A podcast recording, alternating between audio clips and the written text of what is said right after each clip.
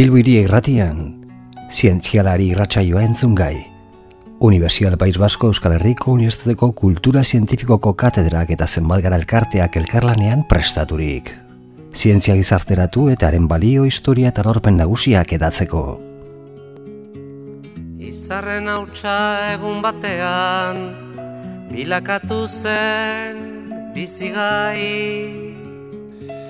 Kepa Altonaga sustatxa biologian doktoria dugu eta zoologian aditu handia.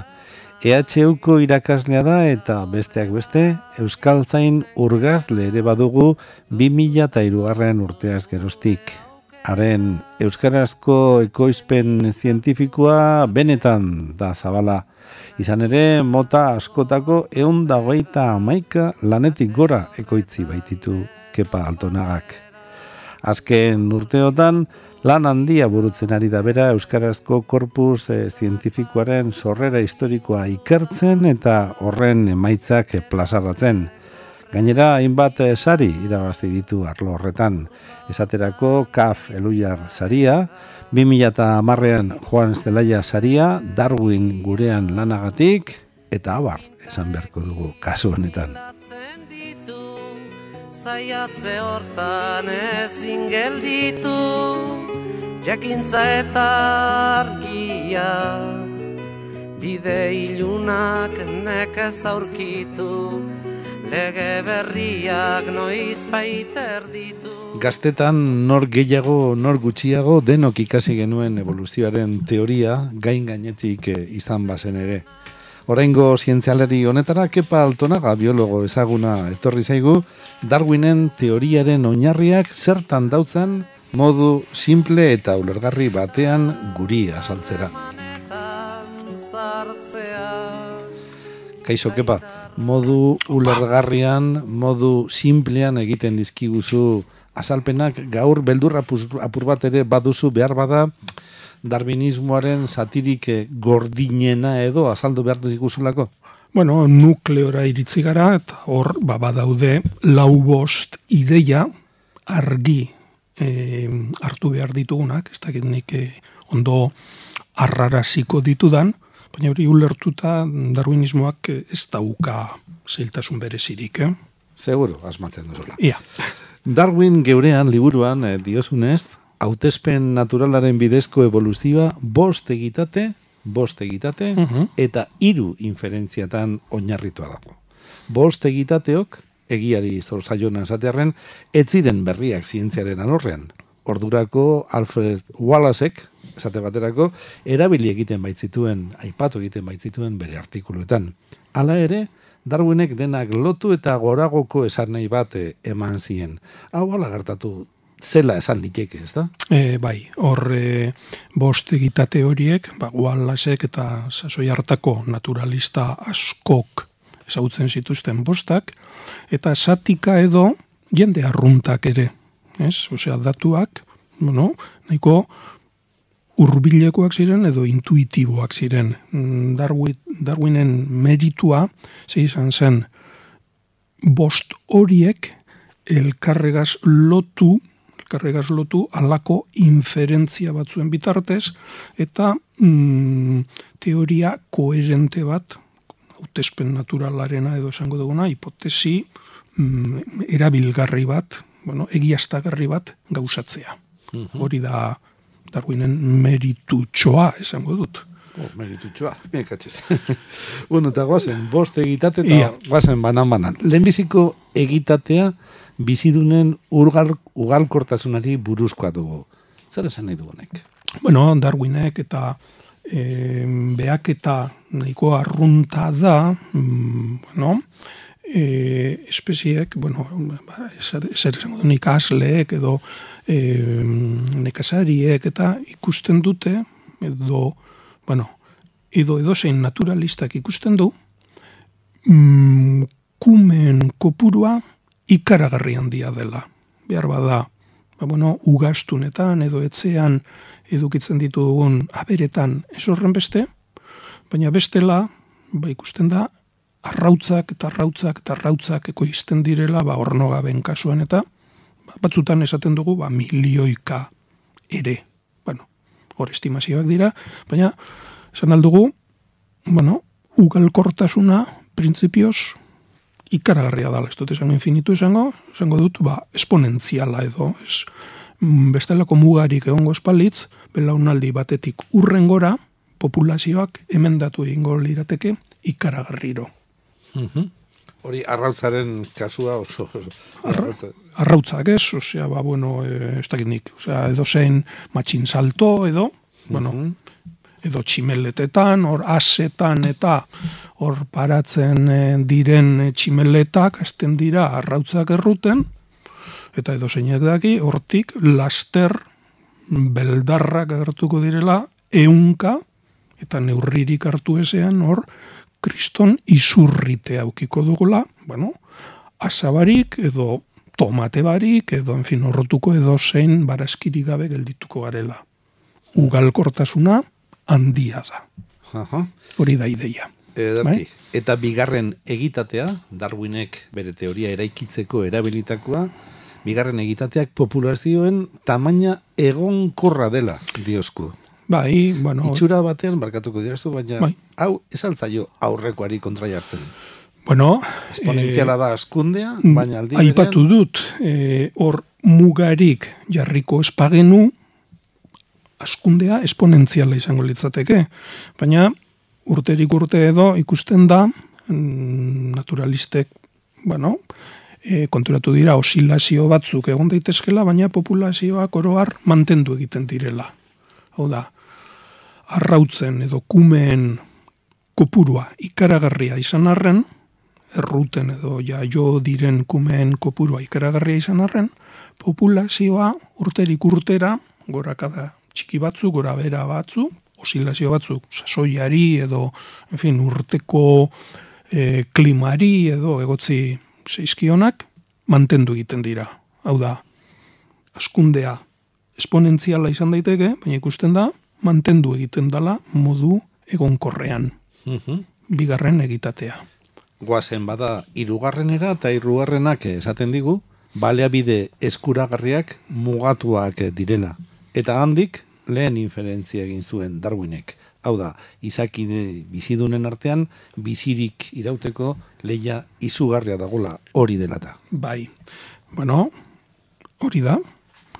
Lehenago aipatu dugu, esponentzialki hasiko liratekela hor mugarik jarriko espagenu. Kau, muga, Darwinek berak, eta lehenago, baino lehenago Maltus izeneko, bueno, Elis gizon eskoziar batek populazio, giza populazioaren inguruko azterketa batzuk egin zituen, eta ak zer ikusi zuen, ba, bueno, mm, populazio esponentzialki hasi eskero, hasi daitekeen arren, e, baliagaiak, janariak, eman dezagun, mm, ez direla esponentzialki azten. Orduan, baliagaiak, janaria, eman dezagun, muga bat da. Muga bat, besteak beste, zer leia bat sortuko duena. Ez? Leia horretan, leia horretan, batzuk, beste batzuk baino, hobeto moldatuko dira. Baina leia horretan, asko eta asko, esan egingo dugu, hil egingo dira. Hil egiten diren horiek, ez dute kumeru ikutziko. Hasi naiz pizka bat aurreratzen, baina joan gitezen beste egitatetara. bueno, eta hor, ba, lehi esan dut, baina batzutan aipatzen da, ba, bizitzagatiko burruka. Ez, sarritan entzun dugu klise hori, klise hori, darbindarra da guztiz. Bizitzagatiko burruka, zergatik, ba, baliagaiak mugatuak direlako. Gu ez gara mugatu, beraz, larregi gaude, mugatua den horretarako. Leia, bizitzagatiko burruka sortuko da.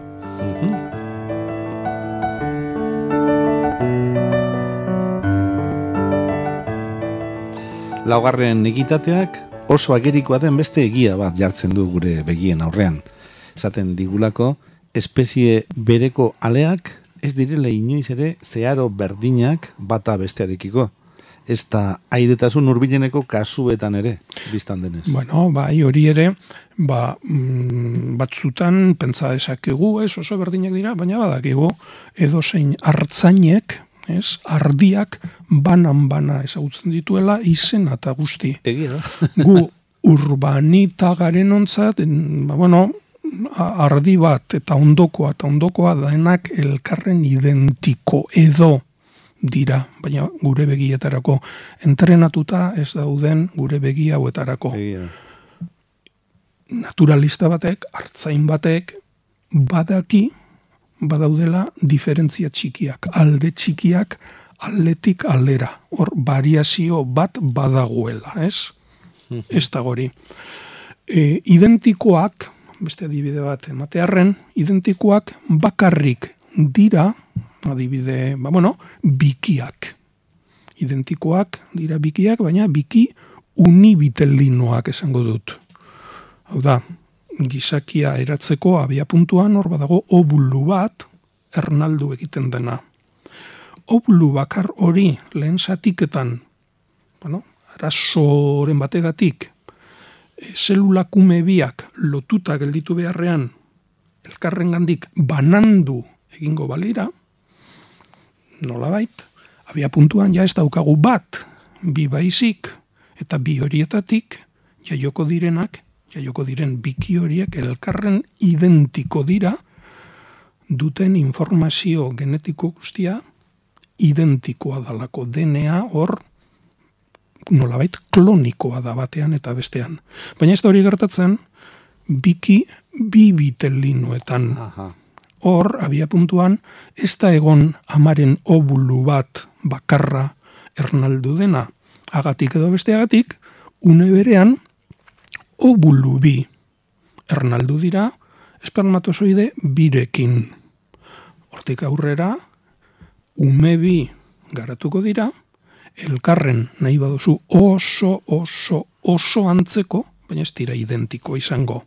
Hoiek, e, biki, bi dira. Naturan, oroar, kume guztiak elkarren antzeko bai, baina desberdinak dira.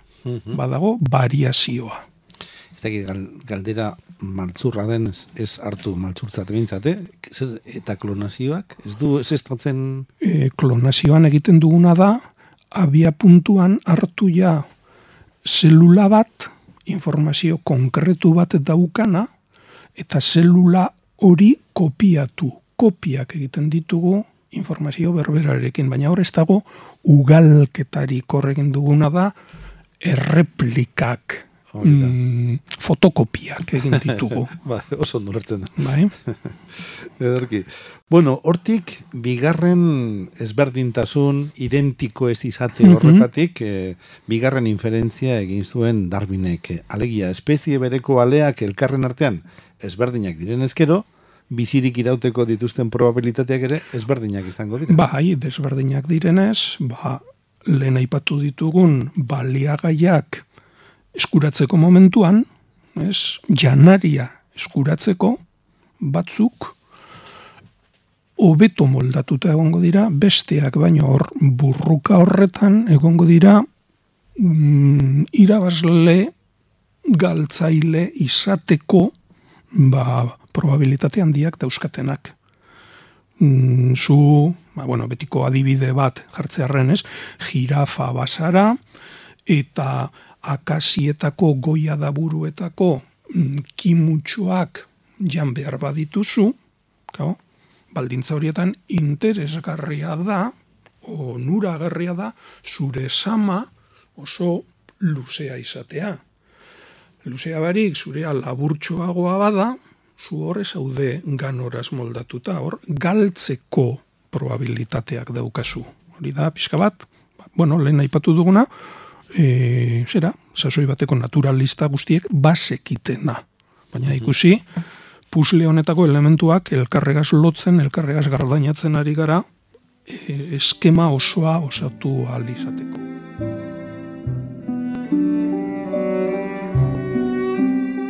Bosgarrena falta zaigu, bueno. bosgarren egitatea, eta azken inferentzia puslea erabat osatzeko. Kepa, ipat ezagun bosgarrena, esaten eh, diguna, populazio baten aleen arteko ezaugarri ezberdinak eredagarriak direla. Beraz, hautespen naturala, belaunaldietan zehar mantentzen baldin bada, evoluzioari bide ematen zaila. Bai, hor ere, ba, bueno, Darwinen sasoian erentziari buruz, eta bueno, Mendelen legeak eta beste gauza batzu, artean deskubritu gabe zeuden, baina bos populi zen kumeak gurasoen oso antzekoak zirela, ez? E, gurasoak altu eta beltzaran edo ile hori izan da, ba, kumeak ere probabilitate handi batez, hau da, ezaugarri horiek eredagarriak ziren, eta belaunaldi, belaunaldi ba, mantenduz, indartuz, esango dut, edo, karo, desfavoragarriak izan da, ba, desagertuz, txokoratuz, azkenean ezabatu egingo ziren. Kau, ikusi, elementu guztiak lotuta eta denpora nahikoa eman da, ba, azkenean zer lortzen dugu, ba, hautespen naturalaren eskema honekin, lortuko duguna da, modifikazio dun desendentzia. Hau da, hor daukagu, hipotesi oso indartzu bat, gaur eguneko biodibertsitatea asaldu alizateko. Karo, hipotesi hori etorri zen, lehiatzera, ba ordu arte, kanonikoa zen hipotesiarekin, kreazioarena. Luzaroan kreazioa besterik ez egoen, ba bueno, gaur eguneko biodibertsitate hori azaldu alizateko. Noski, Darwinen azalpen indartzu honekin, besteak kologan azten da, eta e, mekanismoa ulertu duen edo zein nientzat, hautespen naturalarena da, begien biztako azalpena ez duzu, zetan kreaziora jo beharrik. Mhm. Kreazioa, era azalpen, bueno, mitikoa da ez, ipuin moduko bat, hor dagoena, Darwinena ostera, kontrastagarria da, ere e, esango dut esperimentuekin eta bestelako baliabide zientifikoekin, ba, gezurrestatu, egiaztatu, fin, hor badago beste joku bat, zientzilarientzat, noski asko ez ere, emankorragoa dana kreazioarena baino.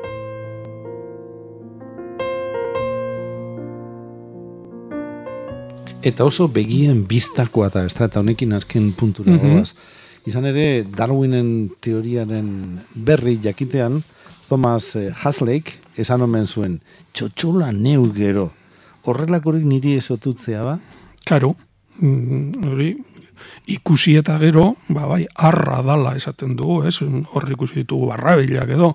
Bai. Hemen ere, aipatu duguna, bost egitate horiek ezagunak ziren, baina tarteko Ustardura bai, or, inferentzia horiek behar ziren logika baten logika vamos, aplastante hori gauzatu alizateko.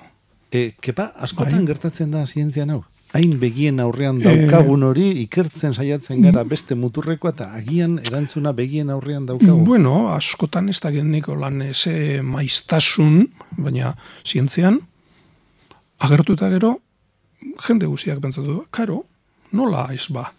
Ba hori, ba, zer esan dut, gaur egun, zuntzipenak daudela eta eguneroko bueno, esan egiten dugu Amazonian edo Euskal Herrian espeziak eta zuntzitzen ari direla.